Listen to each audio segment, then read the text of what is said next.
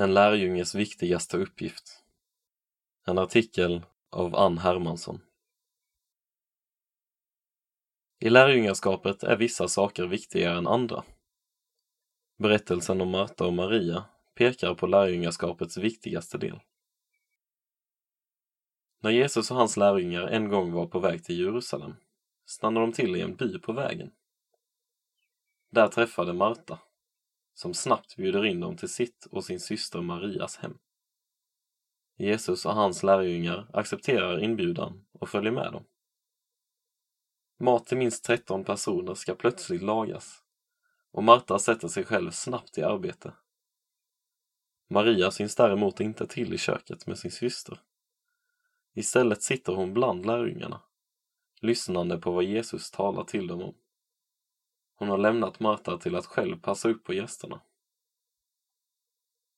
Irriterade Marta. Till slut får Marta nog av Marias ohjälpsamhet och väljer att göra henne medveten om hur hon beter sig.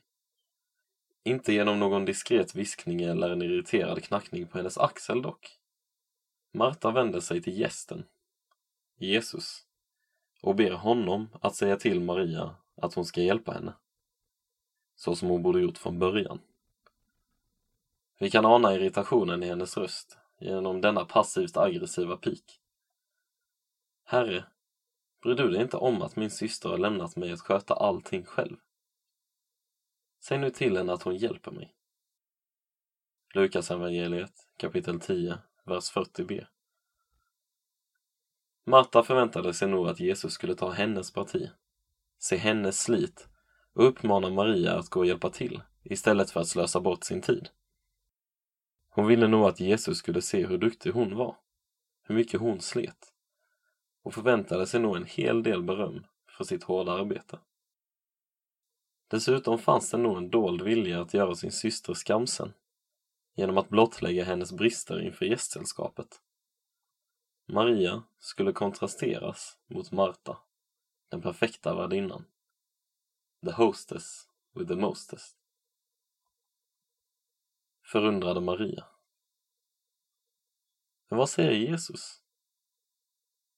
Marta, Marta, du bekymrar dig och oroar dig för så mycket. Men bara ett är nödvändigt. Maria har valt den goda delen och den ska inte tas ifrån henne. Lukas kapitel 10, vers 41 och 42. Något har nämligen hänt, som Marta var för upptagen för att märka. Det verkar faktiskt inte ha varit mer spektakulärt än att Jesus bara började tala.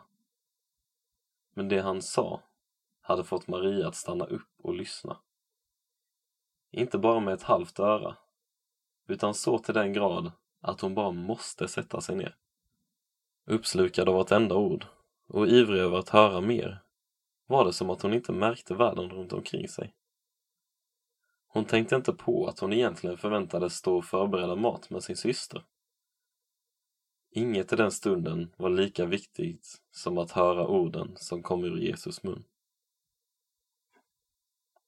Olika fokus Marias val att lyssna och Martas misstag att inte göra det är vad den här berättelsen vill belysa. Oro och bekymmer över hur hon skulle uppfattas av sin omgivning, av Jesus, fick Marta att lägga fokus på sin prestation. Maria däremot såg stunden för vad den var. Jesus var i rummet och chansen att få lyssna till hans ord blev viktigare än allt annat. Marta valde att låta sina handlingar berätta något om vem hon var. Men i samma stund som Maria satte sig ner vid Jesus fötter överlät hon det ansvaret åt Jesus, åt Gud själv.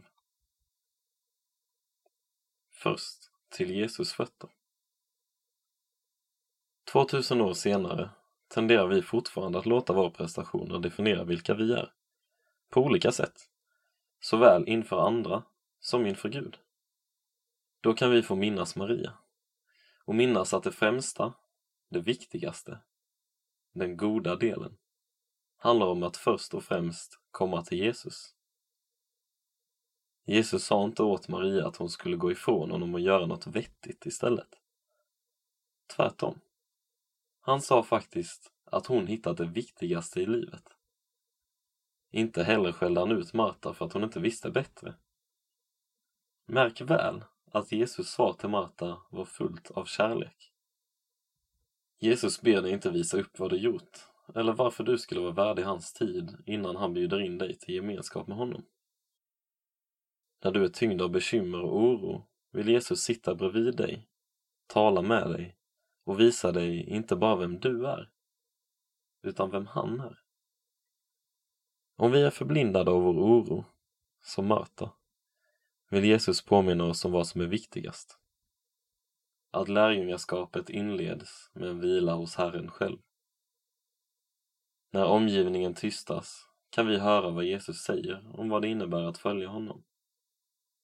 Likt Maria behöver vårt lärjungaskap börja vid Jesus fötter.